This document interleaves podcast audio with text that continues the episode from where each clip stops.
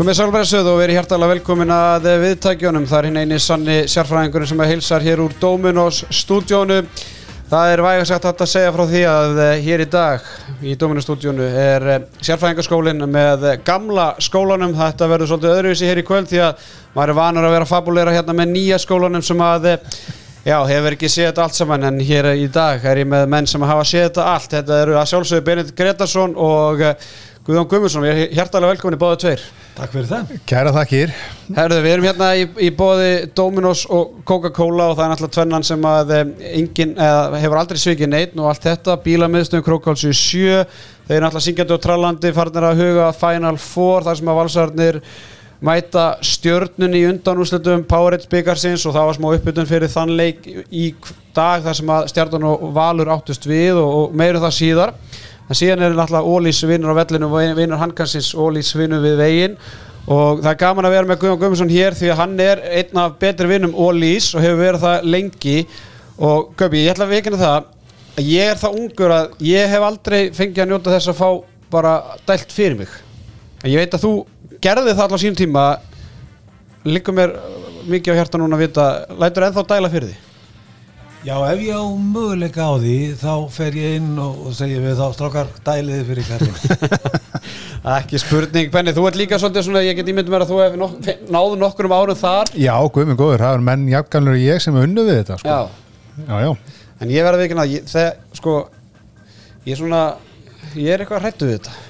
Já, þú, þú gast náttúrulega lent á mjög svona skapstyggum dælara sko. Já þá varstu allur út í bensinni bílinni að þér, en, en svo kannski líka fengið eitthvað toppmenn eins og voru hérna í hafnaðri sko. Ég held að það sé ágætt bara fyrir mig mann eins og mig með mína sögu að ég dæli bara sjálfur. Bílinn mín gæti verið allur út í bensinni þegar hérna upp er staðið, þannig að það fínt bara að dæla sjálfur en við þökkum að sjálfsögðu Dominos og Coca-Cola, bílamöðstöðun og Ólís fyrir það, þeir eru okkar diggustu stuðningsæðilar og hafa verið það í allan vetur. Við ætlum að gera upp 17. umferðina. Þetta hefur verið svolítið mikið langloka síðustu vikur þar sem að umferðinar hafa verið spilaðar á mörgum dögum og 16. umferðin er ekki eins og búinn en 17. umferðin hún fór bara fram á 50 dag, förstu dag, lögut og sundag, ekki nema fjóru dagar. En við gerum hann upp núna. Við erum búin að ræða fram Selfos sem fór, fór fram á 50 daginn þar sem að framarnir unnu Tórsóta Sigur þar sem að það virðist vera svo að Tryggvi Garðar Jónsson hafi slítið hásin í þeim leik sem er gríðarlega slæmt tíðindi fyrir eh, framarana nýbúin að missa Reynathór hérna, og Kjartan Þór Júliusson líka mittir þannig að við ætlum aðeins að ræða um þessa baróttu fram og hauka um þetta fymta seti sem enginn vill fá En við ætlum að byrja í mýrin í TM-höllinni. Er þetta ekki TM-höllin eða er þetta eitthvað allt annað? Þetta er ekki TM-höllin lengur. Þeir mistu TM, mistu spónsórin. Þetta heitir eitthvað annað núna. Stimmi kom með þetta um daginn. Já, það er eiginlega skammaði að vita ekki. Nei, nei, við erum allavega bara í mýrinni. Það er ekki bara. Þetta er allavega en þá að stýra mæknum að það. Ætlum að fara í leikstjórnunar og val sem að eh, bara kláruðu þess að 17. umferð þar sem að staðin í háluleik var 10-8 fyrir stjórnuna, lítið skorað en þegar upp á staði þá unnu valsarnir einsmar sigur 24-23 þar sem að Benedikt Gunnar Óskarsson var hetja valsara skoraði sigumarkið í þann mund sem að eh, flautan gall og bæði stígin til valsara Gaupi, ég fór aðeins yfir tölfræðina. Þetta er fyrsti sigur uh, vals í mýrinni síðan 2019 Já, þeir hafa verið í miklum erfileikum þarna og lendur svo sannlega erfileikum í, í leiknum í dag. Valsmennir voru alls ekki samfærandi fyrir háleik eh, leiku þeirra lagaðist aðeins í síðara háleik en sóknarlega fannst mér valur ekki á deginu sínum. Eh, varnarleikur nátti lægi bjöggi þokkalegur í markinu en uh, þetta var ekki góðu leikur að hálfu valsmána þeir lifa svolítið á því þeir eru með gríðarlega mikla breyt þeir geta skiptið mikið og hafa verið kaldir við að gera það. Eh, leikmanna ná helsu eins og Magnús Óli, Robert Aron þeir eru að koma tilbaka eftir erfið meðsli þannig að valsmennir sko slupið með skrekking getum við sagt í, í, í Garðabænum. Í dag, ég segi nú ekki að að stjarnan hefði átt að vinna leikin en þeir hefðu alltaf geta stólið stíun á valsmenn Já, ég held að með að hvernig leikur þróaðist og með að hvernig svona liðin fóru úr þessu leik þá held ég að jættefli hafi verið sangjönd úrslit en það er nú ekki spurt af því. Adnan Tóstersen hefur verið gjörsálega frábær í marki stjórnumanna það sem afir þessu ári og eh, hann var bara ótrúlur í, í fyrirháleik sérstaklega með eitthvað 12 varða bolta og hátti 70% markvæslu hann enda með 19 varða bolta 45% markvæslu ég meina Gaupi þú fylgist nú með þessu öllu saman. Ég meina Adam hefur verið bara einna eða bara eitt besti markmaður deildarinnar núna sérstaklega eftir árum út Hann er búin að vera algjörlega frábær og það er svo ánægilegt eh, með það að, segja frá því að þetta er náttúrulega strákur sem var í vanda út af því að hann fekk höfuð högg mm -hmm. í, það minnst í tví gang og var við það að hætta bara í boltanum en hann hefur vaksir gríðarlega, hann staðsetur sér vel, hann er rólegur, hann er yfirvegaður, hann er ungur og í dag er þetta líklega einn okkar efnilegasti markvarður því að sko með réttir í þjálfun og, og kannski fleiri leikjum að þá gæti hann komist ansi langt og, og orðið eftirsóttur af stóru liðanum ekki síst hérna heima. Mm, Algjörlega Adam alltaf fættur á 2002 og var hættur handbóltegiðkun á sínum tíma fór að flektist um í fókbóltanum en, en hann var svona einn af þeim sem að e, sáu síðan ljósið nægilega snemma til að geta síðan haldið áfram í þjóðar íþróttinni og stjarnandatt heldur betur í lukkupottin þegar þeir sóttu hann bara free agent, þú veist, hann var bara án félags og, og hérna, þú veist, þeir bara einhvern veginn kveiktu áhuga hans aftur á handbólt og það hefur náttúrulega verið þarna síðustu ár. Þór, uh, Tandri Már og Herger voru markaðistu stjórnumann með 6 mark vor. Stjarnan Án Egil Magnússonar Án Starra og Án Þór Tandra sem hafa verið að klímaði meðsli undarfartna daga og vikur og uh, þannig að stýttist í Final Four og, og fólki strax var að, að huga Final Four og, og sangat mínum heimildum þá svona gera þér á fyrir þegar Egil Magnússon verði klári fyrir Final Four en uh, stjórnumenn gera ekki endilega ráð fyrir því að Starri og Þóru Tandri verði klári í Final Four. Og það er náttúrulega skarf fyrir skildi fyrir stjórnumenn sem að benni, sko staðan á deildinu fyrir stjórnumenn þeir eru ekki nema þeir eru ekki nema hérna uh, sko hvað segir maður, þeir eru hvað einu eða tveimstöðu frá því bara dett úr úsleitakefnis þannig að þeir, þeir eru svolítið að þurfa að líta niður fyrir sig þrátt fyrir að þeir hafa svolítið verið að horfa upp síðustu dag og vikur. Já, mér finnst einhvern veginn svona, ég hef búið að vera svona jákvætt í kringu með að þetta var á tímabili.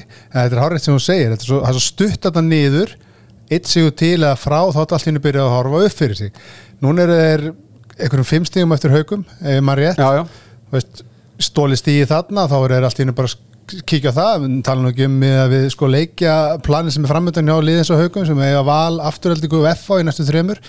En núna þurfa þeir auðvitað bara að einbeta sér að því að það er að ná mönnum heilum því að starri eigill og þórðu tandri þetta er ekki smá bitar sem við erum að missa þarna og, og veist, þetta verðum erfitt fyrir á að, hérna, að ná að gera eitthvað alvöru tilkvæmt til að gera eitthvað í vetur ef þessi gæðar far ekki snúið tilbaka Stjartan ánáttúrulega FA fyrir Final Four eiga síðan uh, hérna, síðan eiga Selfos fram, Háka og Vikingum að gerir ráð fyrir því að stjartan ætlar eitthvað að gera eitthvað á þessu tíapil þá er náttúrulega bara að klára þess að fjóra síðustu leiki með, með 8 stigum. En þeir eru með 13 stig, jafnmör stig og gróta sem er náttúrulega með hreinum ólíkjundum eða hvernig maður skoða leikmannhópan hjá þessu liðum. Og svo er Káa í nýjunda sæti með 12 stig.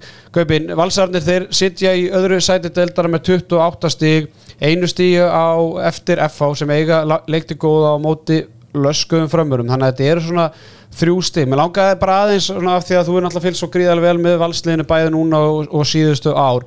Valsarnir eru komin í Four og eru komin í áttalega úslitt Európa-byggasins uh, eh, bjóstu við þessu fyrir tímabili allar þessar breytingar og, og allt það á sama tíma eru sko FH, jújú, FH er efstir í delta, þeir eru döttnir út úr Európa-byggarnum og, og hérna Powerade-byggarnum þannig að fólk var svolítið að miða FH val fyrir þetta tímabili en svona það verið stöður eins og valsarnir eigi bara svona heilt yfir átt betra tíabil heldur en FH Já ég sagði það held ég við þetta bónsu í aðranda mótsins eh, ekki aðsklufa val því að ég hef þá tilfinninguna að þeir verði þarna í toppnum á meðal tryggja eftirliða vegna þess að mannskapurinn sem þeir hafa er góður. Varu lendi í rosalegum hremmingum í fyrra, mikið álag Evrópadeildinn tók sinn toll þeir lenda mikið í meðslum náðu ekki að eh, komast áfram eh, eins og þeir ætluði sér eh, á Íslasmótunum þetta út í byggarnum en þetta er alltaf reynslan sem þeim búa að í dag.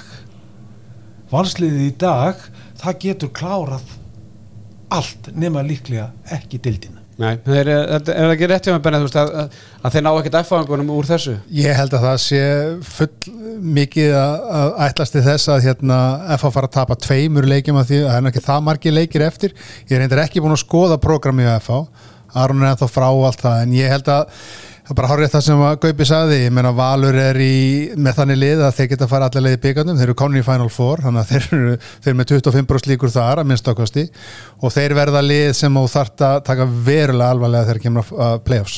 Ég held það sko vegna þess að líka ef að þeir sko ná öllum þessum mönnum sínum inn heilum, Magnúsi Óla, Róberti Aron og þeir séu svona bara í þokkalústandi og miða við þá breytt sem þeir hafa með þennan markvörð með þennan varnaleg, þeir spila bestu vörnina af öllum liðum deildarinnar.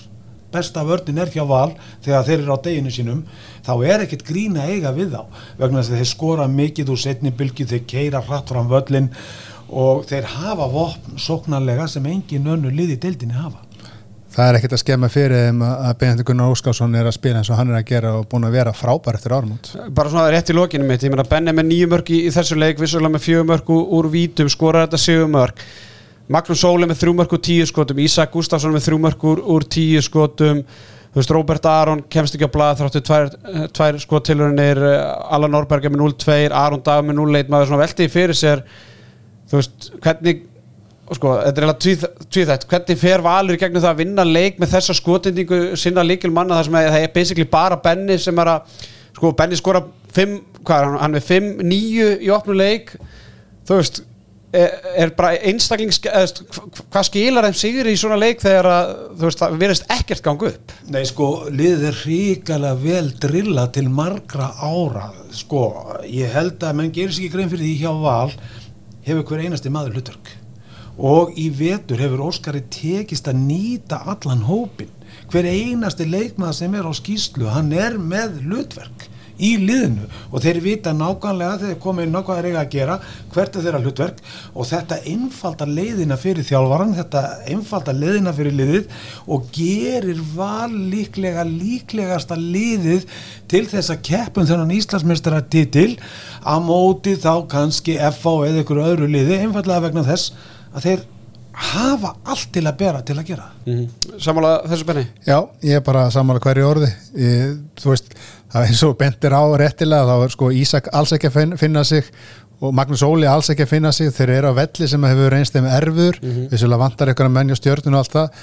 Eru komin í smá hólu, er ekkert að spila neitt frábæran hafbólta, en klára það samt. Það, það, það er bara styrklegi Það sem gerist í setnahálugstrákar er að stjarnan er yfir þegar það er ykkur rúmlega tímundur eftir að leiknum og eru tveimur mennu fleiri, sex á fjóra og þeir tapa því, þeim kapla þetta er eina hálf mínúta, 2-0 og, og sko. þetta kemst valur yfir og halda fórustunum bara út leikið þá að stjarnan jafnar undir tíu segundur eftir og valur vinnur síðan sigurleikin þannig að þessi kapli sem er, eru tveimur fleiri þar er umlega tímundur eftir er bara dýrkeftur og, og, og hérna, virkilega slæmt. Og, og ef við förum að sko, bara, ég ætla bara að klára þetta er að skotnýtingin hjá stjörnunni er heldur ekki drosalega góð, þú veist. Pétur Áttum með tömörkur, nýju skotum, Benedikt Marun og í vinstur hotnunum hann með undir 50% skotnýtingu þeir eru að klikka einhverjum 2-3 skotum á línunni og ekki grípandi bóltan hann að þetta var svona markaskori sitt valstandi skora 24 og, og stjarnan 23 þannig að það, maður þarf ekki að rýna eitthvað mikið í gögni til átt að segja því að skotindingin var ekki góð. En Sigurinn valsara og tvö stíg höfn og valsarni þeir elda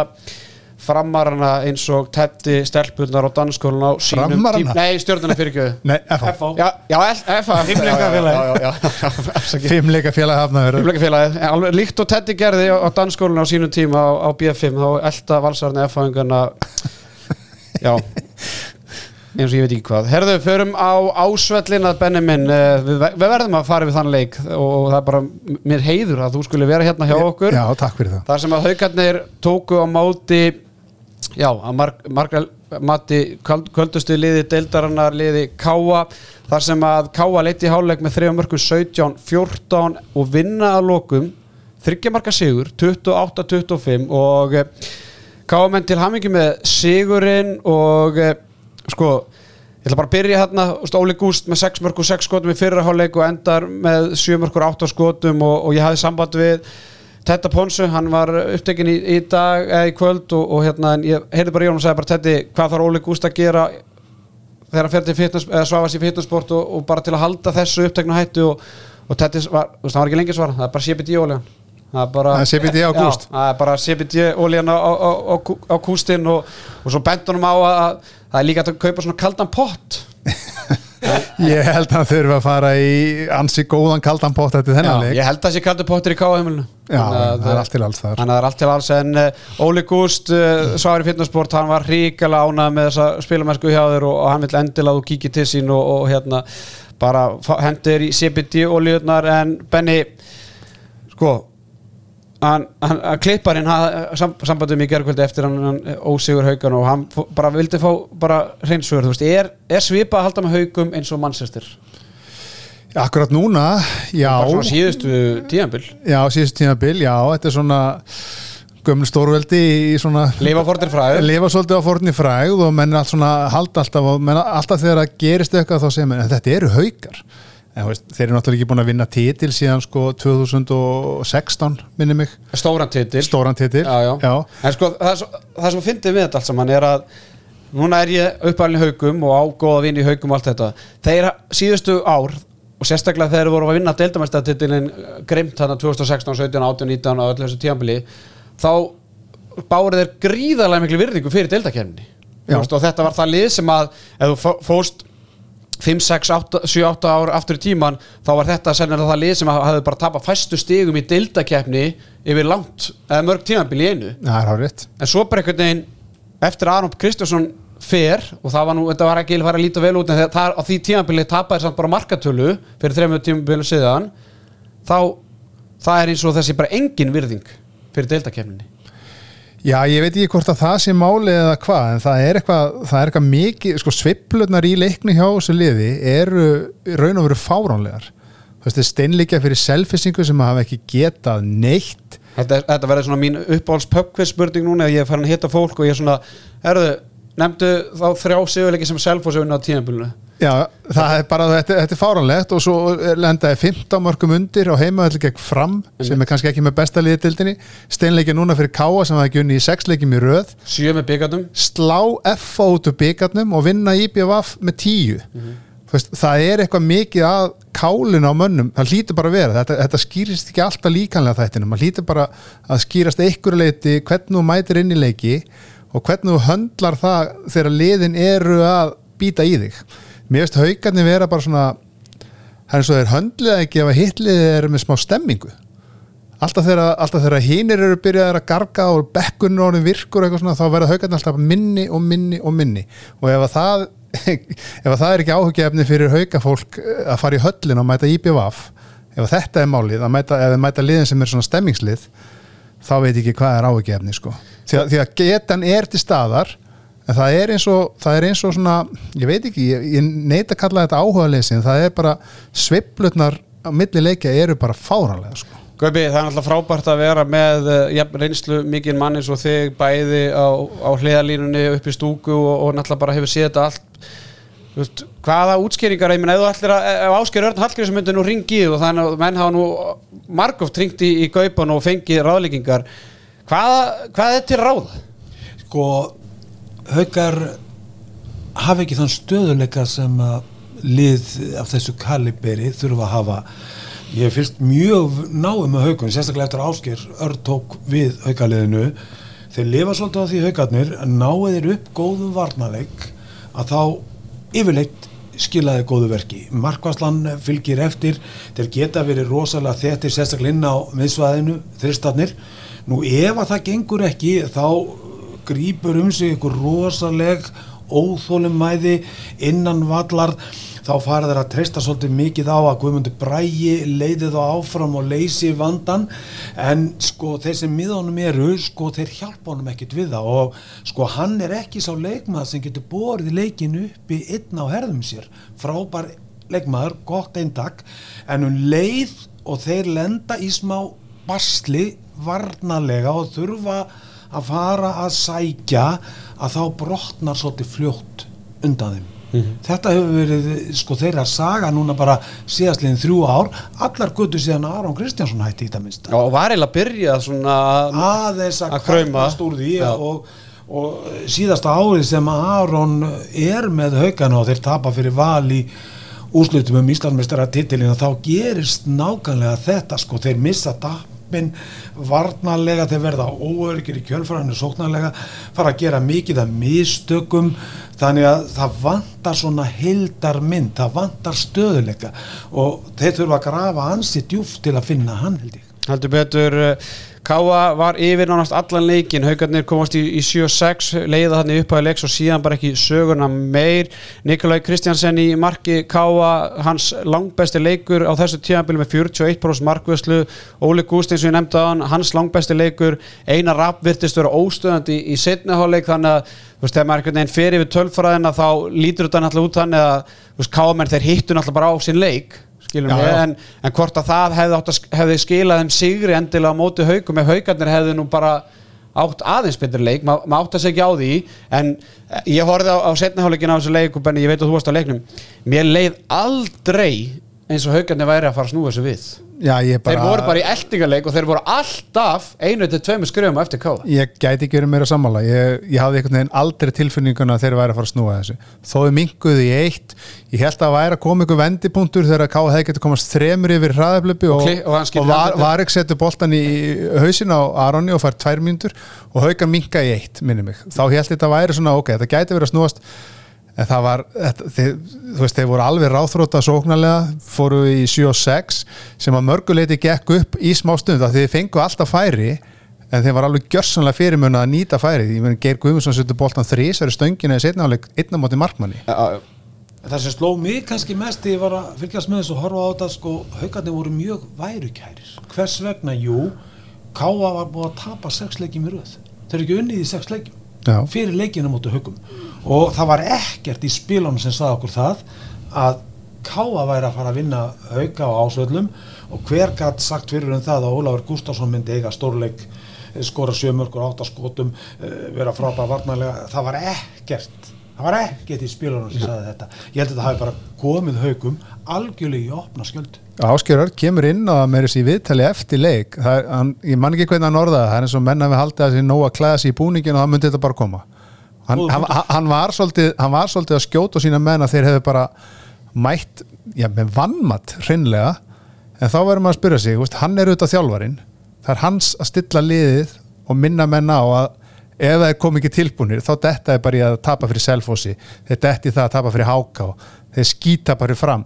Þeir eru ekki betri en það, ef þeir mæti ekki tilbúinir þá tapa þeir fyrir hvaða liðið sem er. Mér finnst það nefnilega, mér finnst þetta að vera frábært punta því að þú veist einhvern veginn þú sem þjálfari þú, þú veist, það, þetta getur gæst einu svona á tímanbili eða tvísar á, á hálsás tímanbili en þetta er orðið bara einhvern veginn saga hauka, þú veist að það er bara haukarnir að fara að spila moti lala liði og þú, þú veist, fyrir nokkrum árum þá var bara, jájá, haukarnir er alltaf að vera vinnuleik. Þú veist, það er bara, það er það er ekkert lið í bóttbártun að koma á ásvelli og ná í tvö steg, jú þeir geta hangið í haugunum kannski 20 mínútur eða 30 mínútur max, en það var ekkert lið að sækja sigur upp á ásvelli fyrir nokkur árum. En núna, ég meina þetta er bara stór hættur fyrir haugunum, ég held að þetta og tala um hvort sé hausnáman, ég held að þetta sé farið að, að því að, að, að haugandi ná ekki snúisu, skilur mig bæði fyrir leik einhvern veginn til að undirbúa sér betur og síðan þegar þetta gerist í leikum þá er þeir langt frá því einhvern veginn að ná að snúa þessu og, og snúa hugafærinu alltaf. Þetta er held ég fara að snerta hausana mönnum miklu meir eins og þetta sé bara orðið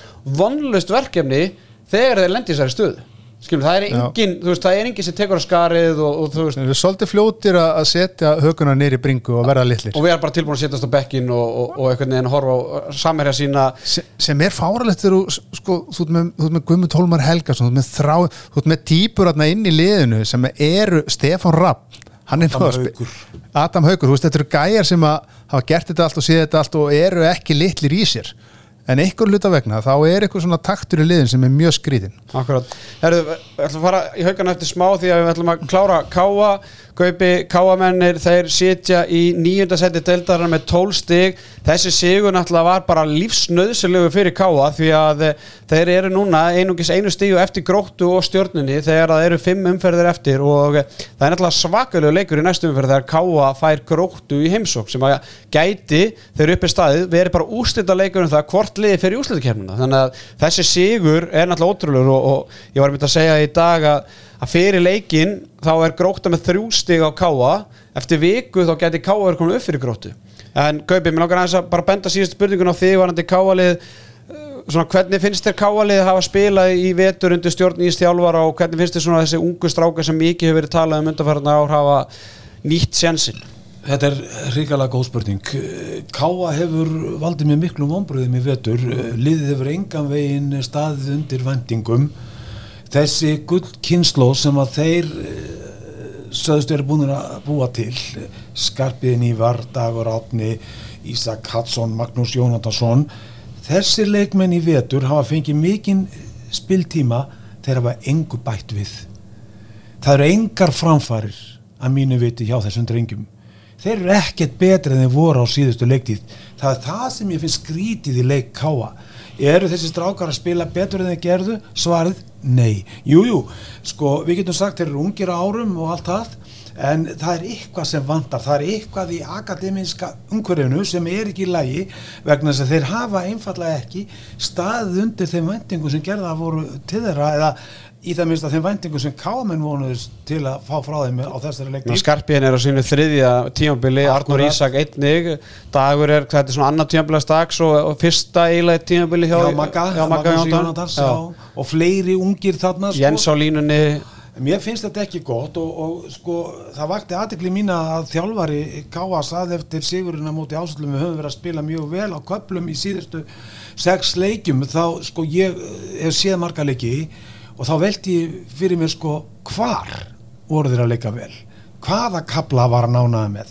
Þetta hefur ekki verið gott, þeir hafa verið í hólu en þessi sigur gefið þeim rosalega mikið, Óli Gústar góður Einar Rapp góður og þessir tveir Markmaðurinn frá Bærlóksins Akkurat, og þessir menn geta auðvitað dreigið hina með sér inn í þessa púlíu en þessi strákar sem þeir öllu að treysta á, þeir hafa engan veginn stað undir þeim vendingum sem menn höfðu til þeirra einfallega vegna þess að þeir sko er ekki að spila betur en þeir gerði á síðustu leiktið mm. og þá veldi ég fyrir mér hvers vegna Góð spurning og vonandi að við í handkastinu getum svara þessu næstu daga smá heimavinn okkur en ég, ég menna K.E. bara söpum stað og voru í fyriröndu stjórn Jónatan Magnússon og, og Haldur Stefán þjálfari liðsins sammálaður hefur kannski ekki náða að bæta liðið, þetta er basically sami leikmannahópur uh, eina sem að gerist er að leikmennin þessir yngri sem að höfst, voru ekki nægilega góður í fyrra eins og Gaupi segir, þetta er, er þriða tímafjöli og Skarpjan Ívari og Arnur Ísaki og, og fleira.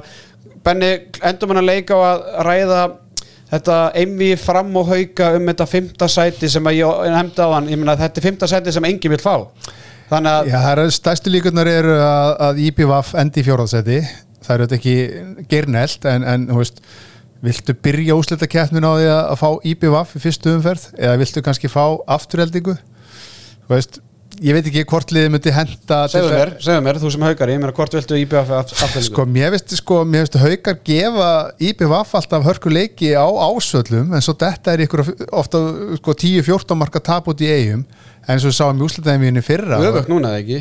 Það reyndar öfugt núna já, nei, þeir eru ná ásvöllum með 10 já, okay, okay, okay. og töpu samfærandi í annar umferð á móti IBF en ég, sko ef ég sem haugamæður ætti að velja þá svona ég held að vera einfaldar að eiga við afturheldingu heldur en, en IBVF bara einfallega vegna þess hvernig sagan er og hvernig ná alltaf að gýra svo upp alveg að meðlefnir hérna út í eigum sko. Nú ætla ég lýsa eh, bara útskýra þetta fyrir hlustundum að fram er í 15. seti deildara með 19 stíg og haugamenn stígi á eftir þeim í sjötta seti fram á leikti góða á móti FH en staðan er hins vegar þannig á framliðinu að eh, Reynir Þór Stefánsson er meittur og er, verður líklega lengi frá Kjartam Ór Júliusson hægri skittan á með tvö og eftir Rúnari Kárasinni er meittur og Rúnar Kárasson sjálfur bara þjakaður af meðslum og síðan eins og ég sagði áðan í síðasta leik Tryggvi Garðar Jónsson þeirra langkættulegast að skitta í síðustu leikum lítur út fyrir að hafa slitið hásinn.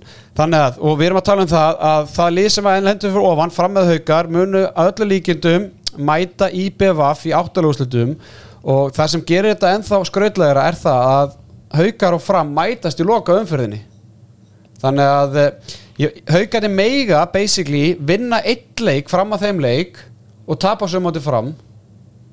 Skilum við?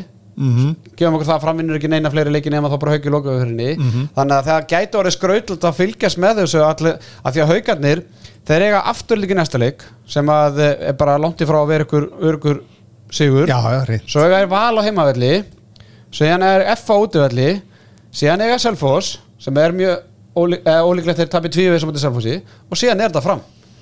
Þannig að haugarnir gætu ósjálfrátt eða meðvitað sloppu við það að mæta IBF í áttarúslutum þrátt fyrir að laska fram tapi öllum leikjunum þessum eftir er nema ymbiristleiknum á móti haugum í lokaumfyrinni Já, við, mér finnst við kannski vera að sína afturölding ekki nóg mikla virðingu með því að tala um að, að, að við vilja, að ekkert lið vilja mæta IBF, vilja freka á afturölding Ég held bara að þetta snúðist miklu meira það að við erum að sína úslitakefnis IBF það mikla virðingu og þeir hafa sínt að undarfæra ár að þú veist, þú vilt ekkert fara til eiga en ef þú vilt freka fara til eiga samt í áttalúslutum heldur en undanúslutum en liði í fymtasæti eða bara, þú veist, eða sjöttasæti það mætir ekkert IBF fyrir, fyrir í úsliðinu fyrir mjög úrslitunum af því að þetta er náttúrulega ekki eins og karvan það sem að, þú veist, þannig að það verður fróðalt að fylgjast með þessu einvi og, og við munum í handkastinu bara rýna m- sko mikið í þetta allt. Mér finnst eitt punktur reyndar sko, erum við bara búin að negla haugana niður í fjóruð eða fymta eða sjötta setið?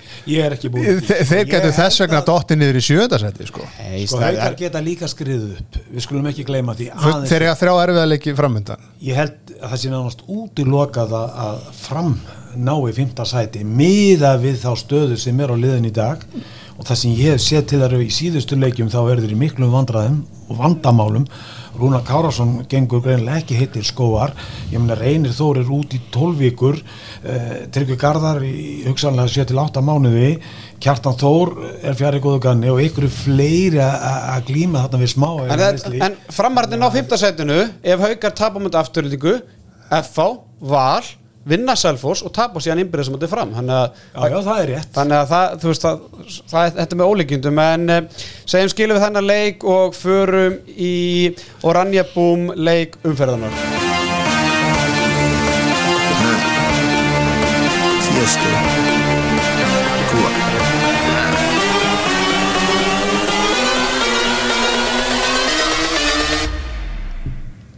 Bring that ass back like a boom, boom, boom, boom.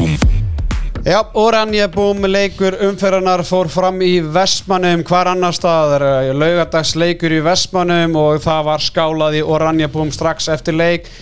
Reyndar var Rúna Kárásson ekki inn í klefa eftir þennan segjuleik en, nei, eftir þennan tapleik en uh, það verður nú bara það kemur leikur eftir þennan leik en eigamennir þeir töpuðu heimavilli gegn afturöldingu 29-28 eftir að hafa verið 15-11 undir í háluleik afturlíka menn byrjuðu leikin gríðalega vel og uh, voru bara með góða fórestu lengi vel í, í leiknum.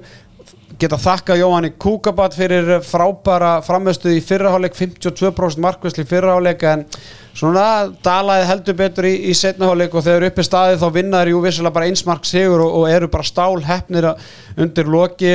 Eigamenn án Ísak Rapssonar sem var bara liðstjóri í þessum leik og eh, Það er eiginlega hægt að segja að þeirra hafi líka verið án Portugalans Daniel Vieira því að hann var virkilega slagur í þessu leik með tvö mörkur fjóru skotum og fjóri tapar boltar og það fór, sem, fór á lokun svo að eh, sá efnilegi Elís Þór Aðarsteinsson leikmann nummer 73 eh, samkvæmt lýsendum leiksins eh, er frændi Greta Þór Eithórssonar hann kom inn og bara kláraði leikin í hægri skiptustöðinni þú veist þannig að Portugalin var það slagur í, í þessum leik. En Benni virkilega kærkomi sigur fyrir Mósvellinga eftir tapin alltaf móti IBF svona stórt tap í byggarnum fyrir hvað tveim vikur síðan og, og maður sáða einhvern veginn eftir leika að þetta var bara þetta var, var einlegt hvernig þeir fögnuði eftir hennan leik. Já, já, hausinn hefur oft verið erfiðasti anstæðingur mósvellinga í gengum tíðin að hafa haft gæði og góða leikmenn en hafi ekki alveg náða að stíga skrefið til fulls.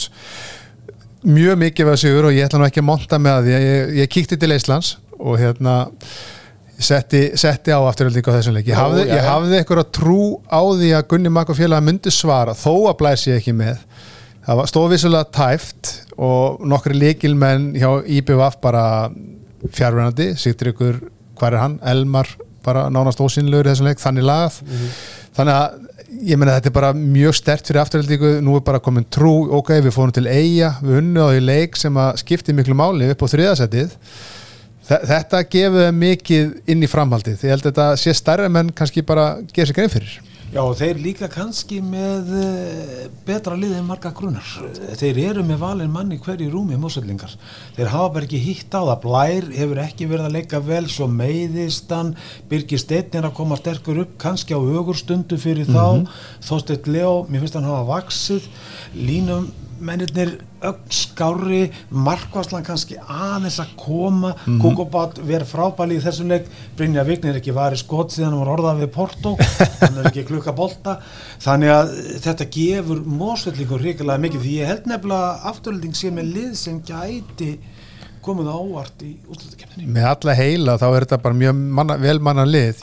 Ég, en, en ég er á allir punktur sem þú komst inn á þarna. Línumæðurnir skári get, ég veist, Þorvaldur Tryggvason og Jakob Aransson eru ekki, kannski ekki leikmenn sem að, ég veit ekki þú vilt hafi liðnum til að fara alla leið, ég menn með fullri virðingu þetta eru fínir leikmenn og allt það en að fara úr einar ynga í þá tvo það er svolítið skrefnir á við. Já, já, það er þetta heimin og haf þarna á, á milli en þetta er veruleikin, jafnveg þó afturhalding hafi mannað sér vel upp á síðastleginn dömur árum valið inn í nánast hverja einustu stöðu að þá hafa þeir bara ekki átt að sjá því að þeir þurftu mann fyrir einan Rafsson því hann var á leðin út, hann ætlaði líklega að hætta en þeir glemdi sér í gleðinni og fengi enga mann nema þess að tvo sem hafa þó, finnst mér, lagast og eru betri en þeir voru til að mynda fyrir Þorvaldur, Þorvaldur var reyndar nokkuð eftir, eftir, eftir sóttur sko, það voru fleiri liðin afturöldingu eftir Þorvaldi sko, já, þannig að það var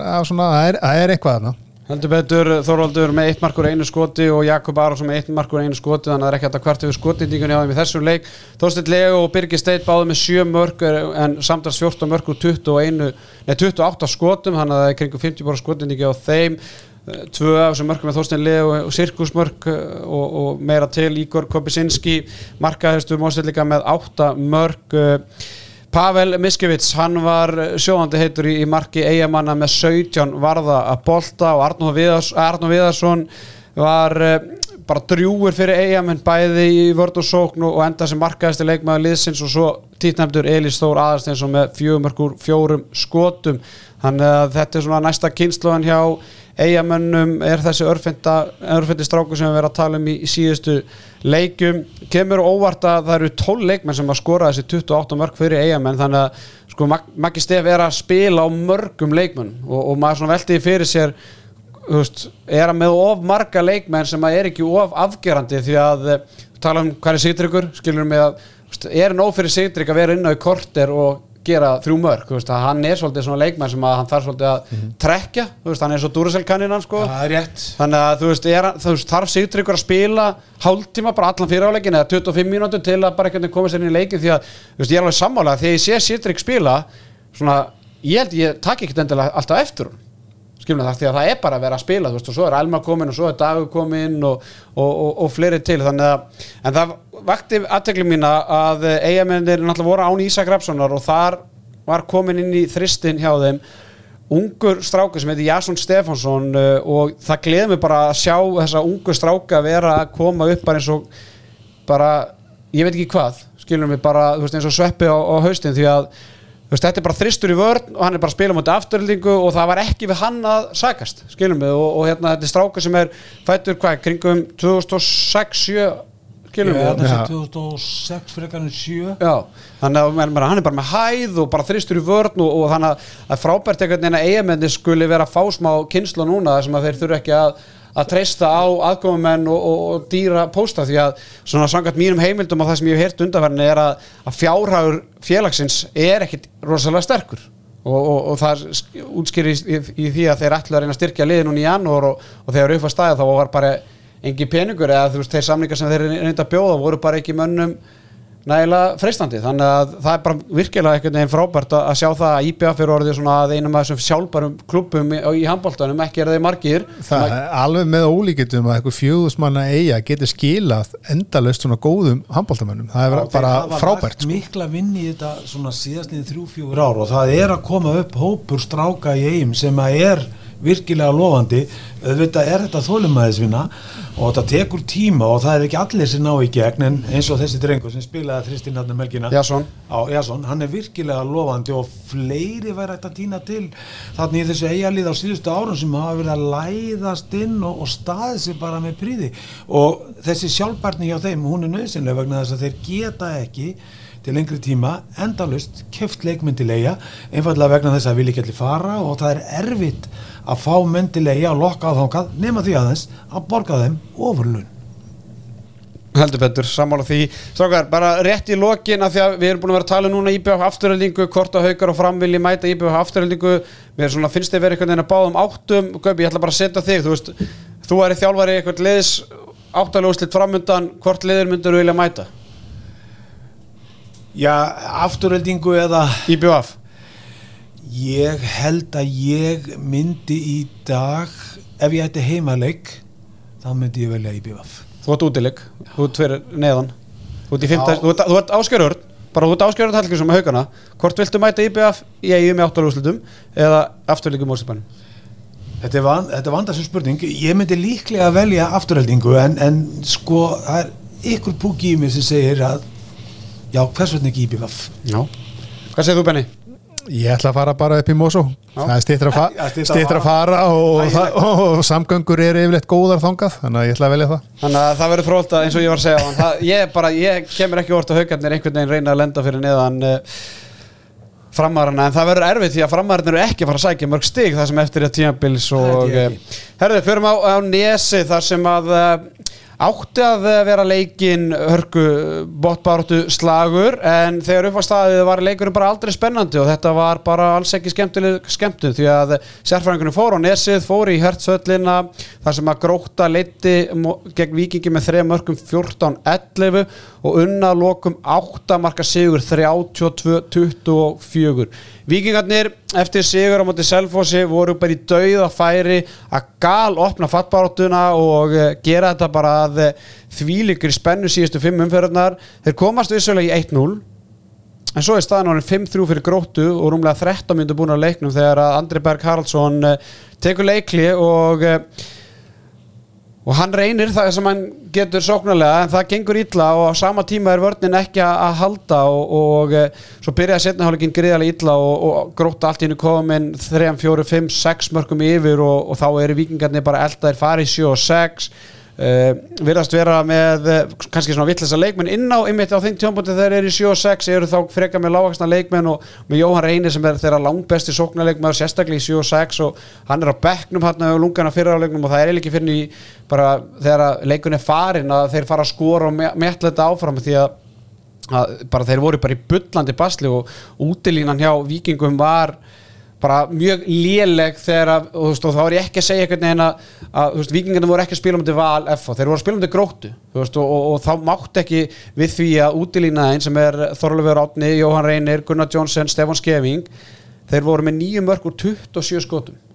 Þetta eru fjórir leikmenn sem að spila fyrir utan og þeir enda með samtast nýju mörg úr, úr opnum leik. Jóhann Reynir vissulega með mark úr, úr hérna Vítu og Gunnar Jónsson en uh, Það var smá læti undir lokin í þessu leik þegar Ágúst Ingi Óskarsson fekk að líta rauðaspjaldið og uh, það er bara spurning hvort að hann muni missa af leiknum gegn Káa næsta föstudag. Og það er greiðarlega mikið áfall fyrir, ká, nei, fyrir gróttu því að þetta gerist bara þegar það eru innan við tíu söndur eftir að leiknum og Ágúst Ingi einhvern veginn brítur og Haldur Inga í, í hotninu og, og Haldur Ingi dettur á veggin og það verður smá fjarafók og Og, og minn maður fyrir læri Sveti og reynir hann hattar ekki smá læti þannig að hann fór að espaðins í þessu og þetta endaði með því að Ágúst Ingi fekk rautspjöld og það er bara bara, ég meina Benni, það er bara ríkala stór faktor ef Ágúst Ingi Óskarsson fyrir leikbann fyrir þetta brot og mun missa næsta leikum átti ká Já, það er nánast döðadómar því hann er búin að vera frábært til strákur sem búin að skora hvað 99 mörg eða 100 mörg í deildinni. Komið mér og óvart leikið vel verið stígandi. Nú ef þeir verði ekki með hann norður á Akureyri að þá verður leikurinn feikilega erfið fyrir grótt Þetta ekki saman þessu benni? Jú, ég er nú bara nokkuð samanlega þessu. Ég ætla nú kannski ekki að segja þessi döðadómur hann er góður en hann kannski er ekki hann er mikilvæg fyrir gróttu í sóknulega gríðarlega, það eru satt með fyrir árið síðan Ágúst Ingi Óskarsson er þið ekki með í einhvern leik þá hefði ég nú bara yft öxlum og áfram gakk sko en búin að vera frábæðin eins og Gaupi kom inn á og þetta er, þetta er mikið hög en við erum bara, það er ekki búin staðfesta ný í leikbanni. Nei, nei, það kemur örgulega núna bara þrjú daginn Já, já, það er mæntalega bara uh, klappa á klárt hann, hann sleppi rútuna norður það er þó allavega eitthvað. Heldur betur, eh, Einabaldvin var lengi í gangi í þessu leik en endar að loka með 16 varða bolta með 41% markvöðslu. Uh, inn á kemur síðan Hannes Pétur Haugsson í, í marki síðustu 2-3-4 mínúturnar uh, stráka sem er fættur árið 2006 var hættur í handbólta var farin að uh, fekk einhvern glæsibóð eða gillibóð frá knastbyrnufélagi K.R. í fókbóltanum og, og, og hætti í handbólti eitt ár, kom svo aftur núna og, og fekk að spreita sig þarna og varði eitt vítakast og eitt hraðaplöp þannig að þetta er þræl efnilegur markverður sem að já, fer að ná bara tvei metrunum og það er svona ég meina grótulið, þeir eru með Hannes Pétur í, í, hópi, í þessu leik þeir eru með Ara Pétur, þeir eru með Anton Óskar Pantano, miðjumann sem er að byrja alla leiki fættur ári 2006 og síðan er þeir með Hannes Grimm þeir eru með Kára Kvaran sem hefur verið að leysa Jakob. Þeir, allt í einu bara frá því að sko, hvað, því ég var með grótulið fyrir hvað, 2-3 árum síðan, þá var Hannes Grimm svo eini, allt í einu grótulið fara að vera með 4-5 og þetta, ég, ég fór hann á leik það var bara hátt í það voru fleiri á þessu leik heldur en 600 mannstæfla já, það voru fleiri á þessu leik heldur en bara haukar veist, stjarnan eða hvað, hvað leik sem það er eða bara já. allar leiki í umferðin, ég held að þetta er bara mest fjöl, fjölmennast, mest sótt í leikurinn í þessari umferð og það er bara Það er, það er eins og Róbert Gunnarsson hafi einhvern veginn bara, hann tók það ákvörðun að vilja spila á heimamönum og, og það skila sér í svona litlu bæjarfélag eins og seldanir þessi er. Já þeir hafa líka, sko Arnaldaði, þeir eru að vinna mjög gott starf og það eru góði leikmenn í, í grótu, ég er búin að sjá þennan þriðaflokk sem eru með virkilega góði leikmenn, ekki bara einn og ekki bara tveir og gróta er bara með innan sína raða góða leikmenn Jakob Ingi mm -hmm. Stefánsson. Þetta er eitt besti hotnamaður deildarinnar. Hann er frábær, hann, hann náði engu hjá afturheldingu, hann var þar sko, hann var nánast búið í móa, bara notaði sem dýravörður, en hann er búin að spila frábælega fyrir gróttu.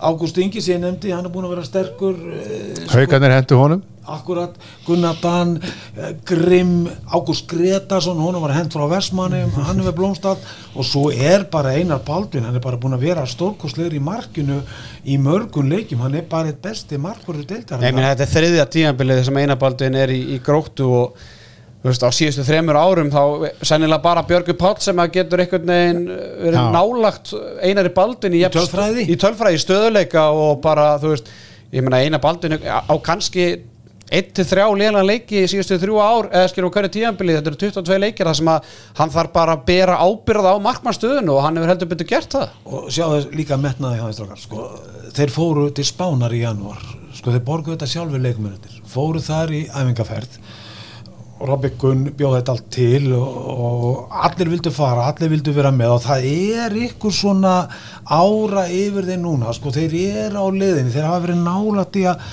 komast í þetta áttundasæti og komast í áttalóðsleitin, sko, og þeir gætu gert það núna því að, sko, það er ekkit einfalt mála að spila við krúti á Seltjartanissi, sko, og það er er alltaf bara, fyrir bara í næsta leik, það er, það er, grót, það er káa gróta fyrir norðan og fyrir, fyrir mínasakir þá er þetta bara einhver úslita leikur?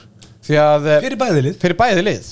Og sérstaklega fyrir Káa því að ef Káa tapar með gróta þá gróta komið þremstegum yfir þá mm -hmm. aftur. Mm -hmm. uh, gróta á Káa og síðan eiga þeir hérna eiga afturhaldingu val FH og síðan eiga Selfos í lokaumfyrinni þannig að ef Villa fer á móti Káa þá geta þeir unni Selfos í lokaumfyrinni jújú þeir geta strítið öllum liðum.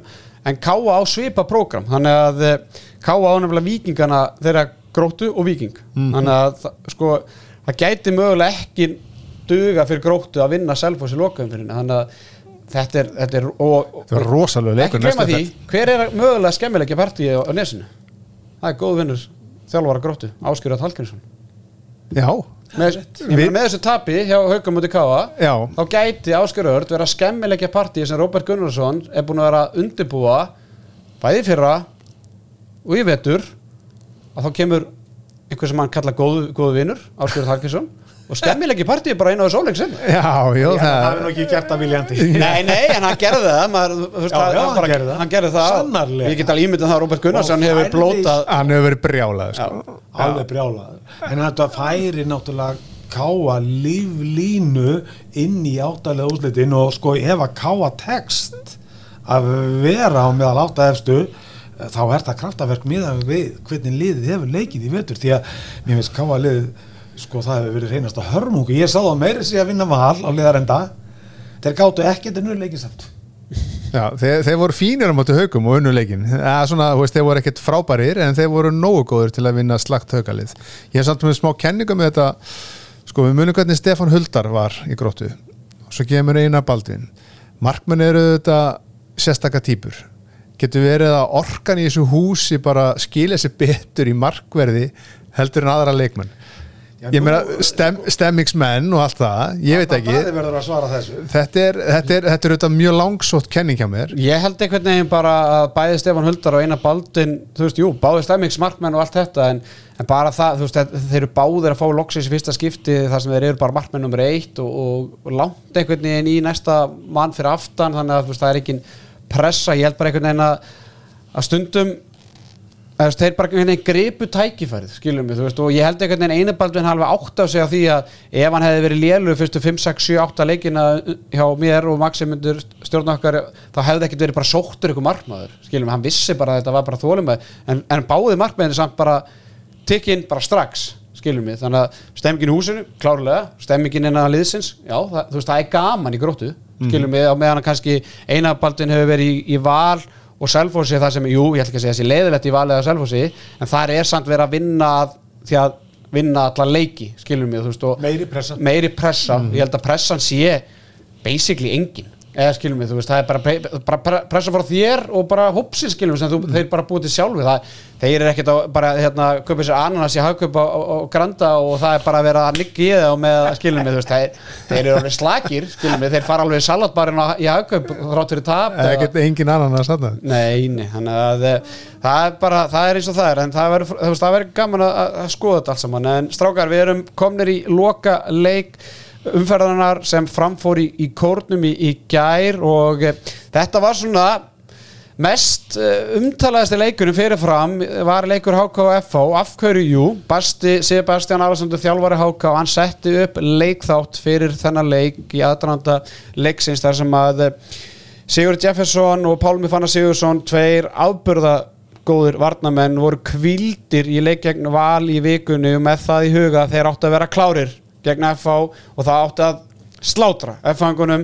og þegar upp í staðið þá gekk leikþáttu basta ekki upp því að F-fangunni voru tömörkum yfir í háluleik 18-16 og unnu að lokum sannfærandi sigur 34-27 og Gaupi enn á aftur þakka ég uh, þér fyrir að vera hér með okkur því að það er frábært að geta nýtt þinn visku brunn þegar að svona mál kom upp. Og ég hef heyrt í nokkru þjálfurum sem að hafa þjálfað lengur en ég og þeir neyta fyrir það að muna eftir því að einhver þjálfari og allaveg ekki þeir, þeir sem ég hafa spurt hafa einhvern tíma kvilt leikmenn út af öðru mikilvæga leik stjórnum setna Nei, það held ég að hafi ekki gæst og ég man ekki eftir því ég sá ymmit eh, sko Valur H.K.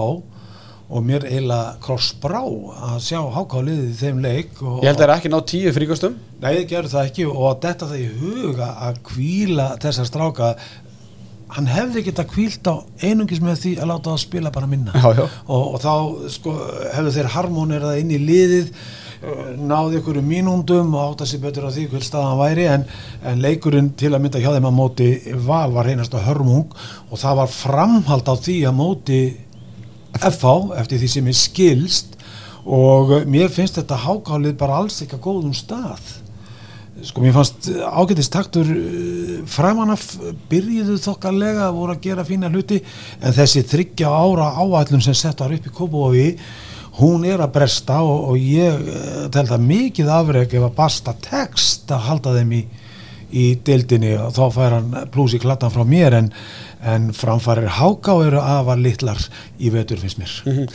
Vissulega var varnarleikur Háká töluvert betur þessu leik ef við, ef við tökum þennan leik og, og, og rínum í, í þann leik og berum að við valsleiki því að frákast, eða þeir voru, þeir voru með Sigurd Jefferson og Pálma í, í, í bakverðunum, Pálmi fannar stundum í, í vandurum Jónis Berg sem að var frábær eh, á enn og aftur í liði FO og ber bara upp í sóknarleik FO þessa dagana og enda þessi markaðistir leikmaður FO en sko eina brægi og þeir sem voru vinstramegin þeir áttu ekki breyk í Sigurd Jefferson. Það var bara, þetta var bara börn á leik. Nýbúin að skrifa undir nýja samning og, já, já, já, og fekk að vera í hóp. Fekk að vera í já, þannig að, veist, en, en sóknarlega eru náttúrulega bara hákangarnir í, í vandræðum uh, Hjörtur Ingi með undir 50% skotningum með 7 mörg úr 15 skotum.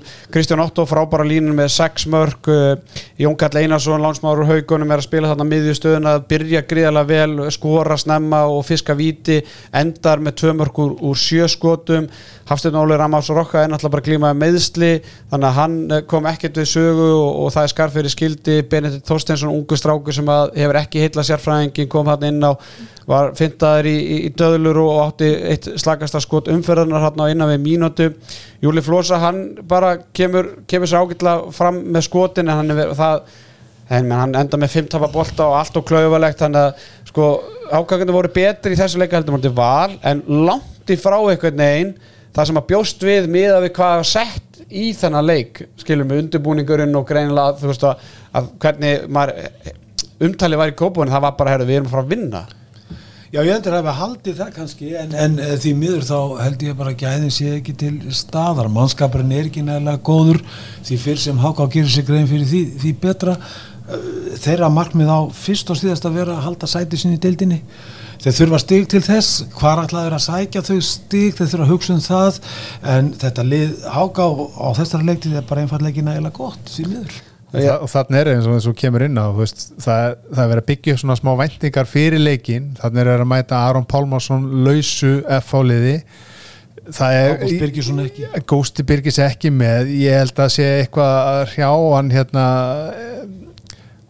Einabraga bara, þú veist hann er, hann er bara búin að vera mjög ólíku sjálfum sér í síðustu leikjum. Hann var, þú veist, hann átti ekki breyk gegn Sigur Jefferson, hann skora eitt mark úr fimm skotum, hann, jújú, jú, hann með fimm stóðsendingar en hann var bara sko, alls ekki líku sjálfum sér. Þeir eru ekki, ekki möguleika í þetta. Ég ætla ekki að segja laskaði efalið, þeir eru ennþá með frábæra leikmenn í flestum stöðum.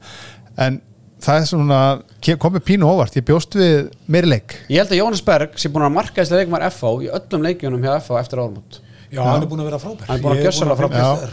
með honum og, og mér finnst hann bara einn albesti leikmaður deildarinnan þessar myndir Herði strákar, hérna strákarnir á Ríni endur sko eða Baker Tilly fóru aðeins og Ríni í gögnin og uh, þeir fóru aðeins að velta eða fóru að Rína þessi sóknarleik Háká Guðan Guðmundsson var að tala um að sóknarleikur Háká sé bara ekki nægilega góður og sko, það er einungi sex leikmenn hjá Hóka sem komast á bladi í, þessu leik og uh, þeir opna ekkert fyrir hodnin, þeir eiga tvö skot samtals úr hodnunum í þessu leik og uh, á meðan FH er með 13 skot úr hodnunum og uh, þeir klikka báðu skotunum í, í þessum leik, ég veit ekki hvort að það sé hérna ástæðan að þeir bara treyst ekki hodnanmennum sínum. Þeir hafa í síðustu fjóru leikjum skotið 15 sinnum úr hodnum í fjóru leikjum, í fjóru leikjum og eru með þrjú mörg úr 15 skotum úr hótnum meðan anstæðingarnir hafa skotið 46 sinnum í síðustu ja, fjórleik. Sko ef þú horfir á hokkaliði sko þeir fara lítið í árásir það er lítið flott á bolt þetta eru klippingar og þetta eru klippingar. Akkurat endalös þetta skilar engu þetta lítur vel út út að horfa á þetta þetta skilar bara engu. Það er aldrei árás það er ekkert eh, svona skýrt upplegg í þeirra leik finnst mér, hvorki sóknar það varnarlega, ég, eins og ég saði ég sá leikinu móti val, það var ekkert að fretta ég sá hlutalegnum á móti FH, ögn meira að fretta en ekki mikið, þannig að þeir eru í vanda. Þeir eru heldur betur í vandram og ég held að eh, Ég veit að strákarnir í HK er að hlusta á handkastið og stjórnamenn og allt það bendiði bast á það að það þarf að fara að nýta betur hotnin og þegar hotnamennin fá færi þá fann alltaf skotnindingin að vera betur en að vera búin að skora þrjú mörg úr, úr í síðustu fjóru leikjum úr hotnum en alltaf, já ég er neita að trú þessari tölfræði og, en ég ætla bara að trú henni þangar til að leiðrætti með einhver en eh, strákar, bú, við erum búin að gera upp þessa 17. umferð og uh, þú talar um Gaupi að uh, kraftaverku ef HK heldur sér uppi. HK er með nýju stík einu stígi meir en vikingur og þremu stígum á undan Selfossi. Serðu viking og Selfoss ná HK? Ég, ég sé ekki Selfoss gera það. Vikingur gæti slýsast til þess en, en það er svo sem ekki margt í spilunum sem segja okkur það. Það er alltaf vikingur fram í næstum ferð það sem að vikingarnir bara verða að nýta sér meðslastuðu fram þannig að þeir eru að fá Þeir eru að fá framarna frábæra tíma. Já, þeir eru að fá smá tromp á það hendi. er möguleiki fyrir viking að vinna fram miða við þá stöðu sem fram er í eins og þeir segið. Ef allir þessi leikminn eru frá og þeir fá engan inn þóttu Gauti búin að vera tæpur hann hitað upp í síðasta leik en náði ekki að fara í ná. Ef að hann verður með þá lítur þetta upp betur út fyrir fram en þetta er möguleiki fyrir viking ég er alveg En það er, sko, ég verði ekki bara hvernig leikur um þetta gróttu jú, hver, hver leikur hefur sinn hérna, lífstíma og allt þetta og, og hérna, en það, þetta var algjört afhróð bara einhvern veginn, það, þeir bara fjallu algjörlega á prófunu, þeir eiga fram á heimavelli, þeir eiga káa á útivelli, þeir eiga háká á heimavelli, Já, afturöldingu úti og síðan endaður á stjörnunni heima.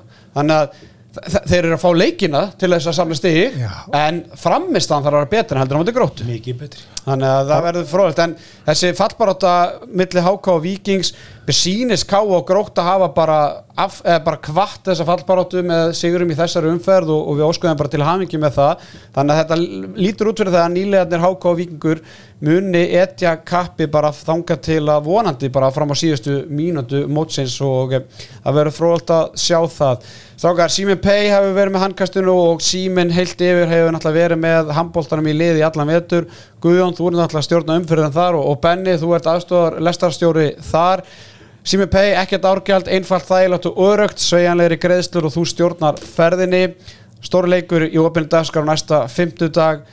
Leikur Valur Íbjöfaf það verður alvöru slagur einfallega vegna þess að þessi lið gætu spila til úrstýta í Final Four oftar en ekki gerist það þegar lið mætar svona Ja, kaup, ég er búin að afskrifa þessa ég er búin að afskrifa þetta. Já, afturhaldi hvað nýpið var Akkurat, sko, en sko, þá getur það oft gæst, en þetta er mjög aðeinsverðu leikur, ekki bara fyrir IBVF, líka fyrir val, því að sko, þarna reynir verulega á valsliðið, sko, fá alvöru eigaliði í heimsókn, lið sem getur gýrað sig í svona leiki, þeir eru góðir eigamennir, ég afskrifa þá ekki, þannig að þetta er prófrun fyrir val þessi leikur að móti Heldur betur. Valur IPVF í opinni dagskrá í sjónvarpið Símas á fimmtudaginn og eh, við hvetjum ykkur til að sjálfsögðu til að horfa á þann leik og ég, ég bara neita að trú- trúa öðrun að það verða góði menn við stjórnvölinn þar. Sjálfur verði ég nú bara í undanáslu í byggar kaupi þannig að ég veit ekki hvar þú ætlar að vera á þessum tíma. Nei, ég, þar sko, aðbarni verður bara í ásöldum Já, sko, ef hann er í þínum öndum og þá og treysti ég því mjög vel þannig að ég gæti alveg verið niður á hléranda Æja, ok, höfum það þannig. Herðu, við ætlum að velja Bryggjan Brugghús leikmann 17. umferðunar Bryggjan Brugghús á besta stað í miðbæ Reykjavíkur sérstaklega þegar að sólin skín en á meðan sólin skín ekki þá er bara fínt að vera inn á Bryggjan Brugghús og fá sér já, velvalin velvalin öl af eh, á dælu og eh, leikmaður, eh, leikmaður 17. umferðunar í bóði Bryggjan Brugghús er stór skittan í liði Káa Ólafur Gústafsson Vel valið Er það ekki? Sko ég, þegar ég leit á statistíkina eftir fyrirálegin þá hugsaði ég með mér já, ég var þokkalega rólur af því ég vissi að Óli Gúst myndi ekki Já, halda já. þessu. Ég, en það sem vald, var að valda mér áhugjum var að Einar Rafn var nánast ósýnilegur í fyriráleg Og hann steg heldur betur upp á mótið sínu uppeldisfélagi. Margir sem gleyma því, hann er haugamæður Já, já. Akkurat. Uh, Og Jóhannes Berg hefði náttúrulega hæglega getað uh, einni tekið þetta en svona Sigur Káa var starri heldur en Sigur F á móti Háká þannig að Óla Gústafsson uh, kærkomið og gaman að sjá hann aftur og, vonandi fyrir Káa bara og deildina að hann muni bara stígu upp núna þegar að mest á reynir. En uh, þó ekki reynir Þór Stefánsson en það er komið að uh, skortpreinsun Ásgeis og uh, Gaupi, þú hefur náttúrulega sennilega nýttir einhvern veginn þjónustu skortpreinsun Ásgeis í gegnum tíðina.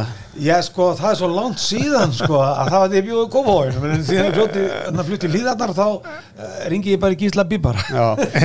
Þess mátti gaman sketa reyndar að Gísli G.G.Lagnir, hann nýtir sér þjónustu Ásgeis þegar að Þeir hafa ekki komið Nei, nei, en uh, það mun einhvern tíman áður nú veist af uh, þá mun skorprinsun áskils kíkja til Gaup ég skal bara sjá til þess en það er komið að velja skitu 17. fyrrar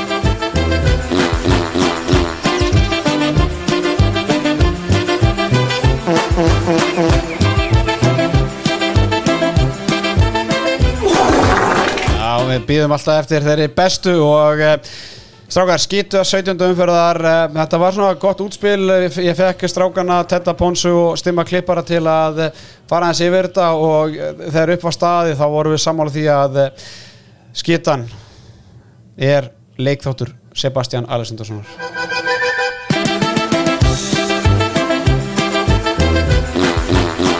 Þannig að ég veit ekki betur en það að Sebastian Alessandarsson er búsettur á Selfossi þannig að Gæi og félagar því verði bara að renna austur fyrir fjall og fara á Selfoss og eh, kíkja alla lagnir þarna í nákvæmni þar sem að Basti býr því að eh, ekki, faraður ekki bara að opna út í búa Selfossi?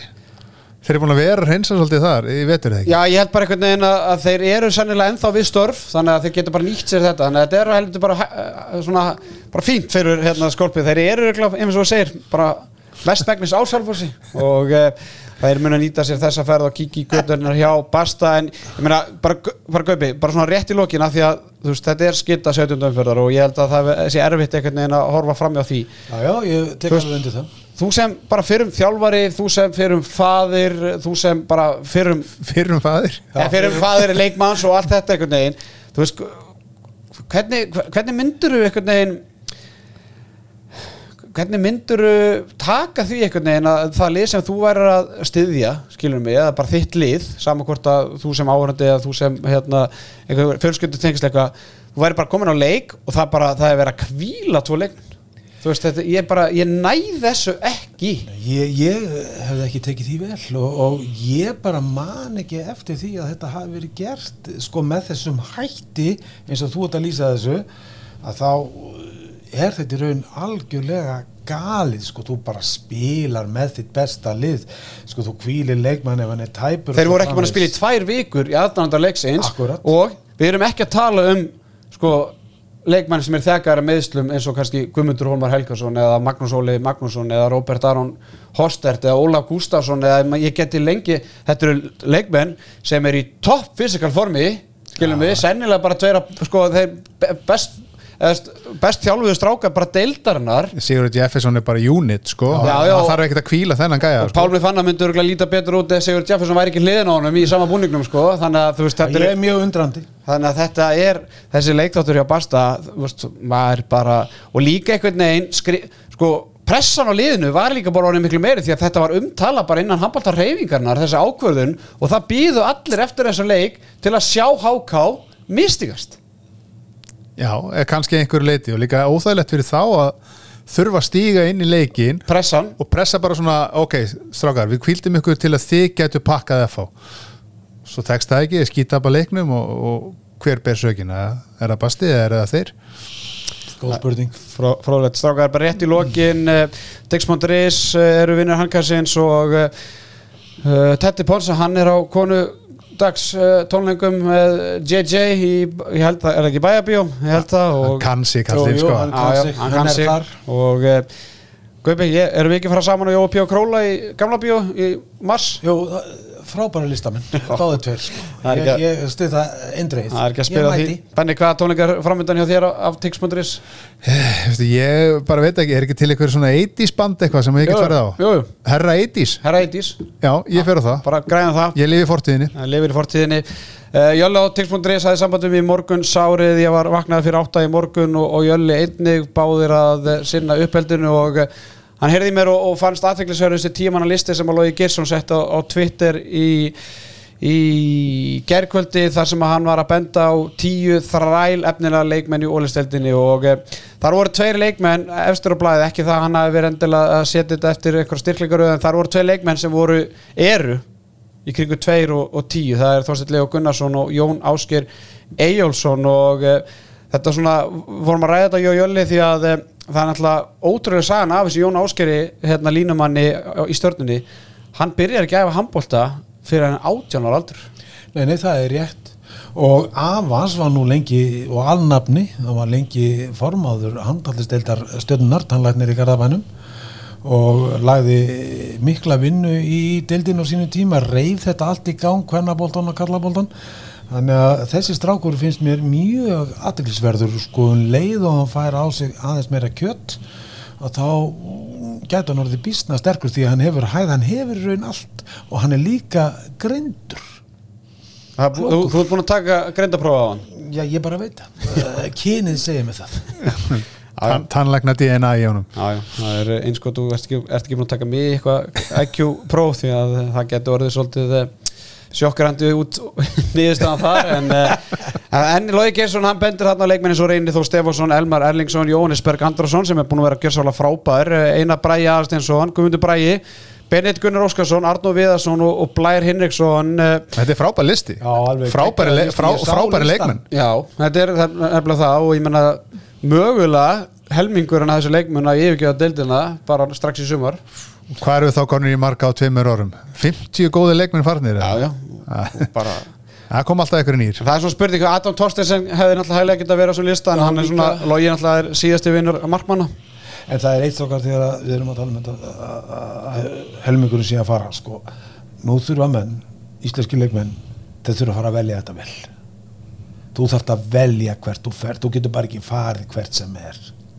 Þú eru fyrstalega að velja það lið sem þú fara að spila í lið sem þú getur náð ykkur eh, stöðuleika framförum menn eru allt og mikið að flýta sér til útlanda. Guðmundur Bræi hefur verið mikið að flýta sér til að mynda haugamæðurinn það er eitthvað að gerast hjá honum í Þýskalandi held ég. En ég ætla að vona að hann hafi vit á því að velja þetta vel. Hann fari eitthvað þar sem hann fær að spila og getur náð hugsaðlegum framförum. Já, ég meina, ég er, ég er bara alveg sammálaður og, og hérna, þú veist ég er ekkert rosalega hrifin af því að leikmenn skuli vera að fara frá um, Íslandi í, í norsku deildina eða sænsku í, í, til Karsk Krona eða, eða Kúla Lumpur sko. Sammála. þannig að, Sammála. þannig að, að því að við höfum alveg séð það að þegar leikmenn eru þólumóður þá hafa þeir fengið bara beint stökk bara í topplið í Evrópu skilum við, ef menn eru nægilega góður en svo auðvitað eins og Kaupi segir, það er gaman í útlöndum þú veist, sérfræðingarna bara þrýsattur útlöndan í sumar. Skilum við, það er gaman í útlöndum. Það er, það er betra viður eitt sem að menn átt að segja á. Um leið og þú ert búin að skrifa undir samning í útlöndum til að mynda Þískalandi það áttu enga vini. Þú stendur bara einn í lappina það er engin að fara að hjálpa þenni sérstaklega sko nema þú sjálfur. Ekki nema þessi íslensku þjálfari. já, íslensku þjálfari. Þannig að sko þetta er tvíbendsverð að flýta sér til útlanda menni að fara rólega í það. Svo er þetta að gera þetta líka bara með tröppugangi. Ef maður rétt á að Bjarki Mári Elisson ekkert að fara í besta lið fór í Evróp- Æsinak Já, bara svona tók þetta í réttum skrefum og heldur betur skila sér í honum. En veist, en ég held bara einhvern veginn, fyrirgjöfbenni ég held bara íslenska deildin sem komin á það háan stall akkurat núna að þegar leikmenn hafa verið að taka einmitt hana tröppugang það hefur ekki hjálpað þeim að fyrir taka næsta skrif skilum við, það við er sé góða leikmenn sem hefur verið að fara í aðra búndeslíku síðustu ár þeir hafa ekki verið að taka næsta skrif Nei, þeir skila sér ekki, Nei. þetta er rétt. Þú veist, leikmenn sem hafa farið til Norex þeir hafa ekki verið að fara í bestu Já, deildina. hafa verið, að, hafa verið að hugsa um geta hoppað þaðan yfir í þetta og Já, ég þetta meina, þú sér Orra Frey, ég meina hann fer úr Nóri til Portugals, Stephen Topa fer bara úr Íslandi til Portugals í sumu deil Þorsteinn Leður fer til Portugals, þú sér Tumas Stein Rúnarsson, þú veist hann fer til Kóburg, þú sér Hafþór Vignisson, hann fer í annari búndeslíku Sveinn Andri í aðra búndeslíku þeir fara bara, Hafþór fer til Nóri eftir hálft ár og Sveinn Andri er komin heim, þannig að þú veist dæmin er fjölmörg einhvern veginn. Að íslenska deildin er orðin það stór á markaði. Ég meina það er, lið, það er, það er lið í búndeslíkunni sem það er sambandi sérfræðingi núna bæði fyrir tíabil og eftir tíabil, nei í í jólin voru að leita sér að leikmanni og voru að spyrja hvort ég geti bentað með okkur leikmann þetta er lið í, í þýsku búndeslíkunni mm -hmm. skilum mig, þannig að ég held einhvern veginn að dæmin er að fækka það sem að leikmenn er einmitt að taka þessi stökk af því að þá var bara íslenska deildin jú, hún var klárlega einhvern veginn sterkari en hún var ekki á ratarnum hjá þessu liðum af því að fyrir einmitt 5, 10, 15, 20 árum þá þurftu leikmenn að taka nema þeir voru bara í heims klassa. Já, já, þetta er bara laugrétt og ég veit alveg dæmi þess að, að það hefur verið ringt í leikmenn til að mynda frá Þískalandi í vetur og þeir hafa bara sagt nei, ég ætla ekki að koma, ég vil ekki fara. Já.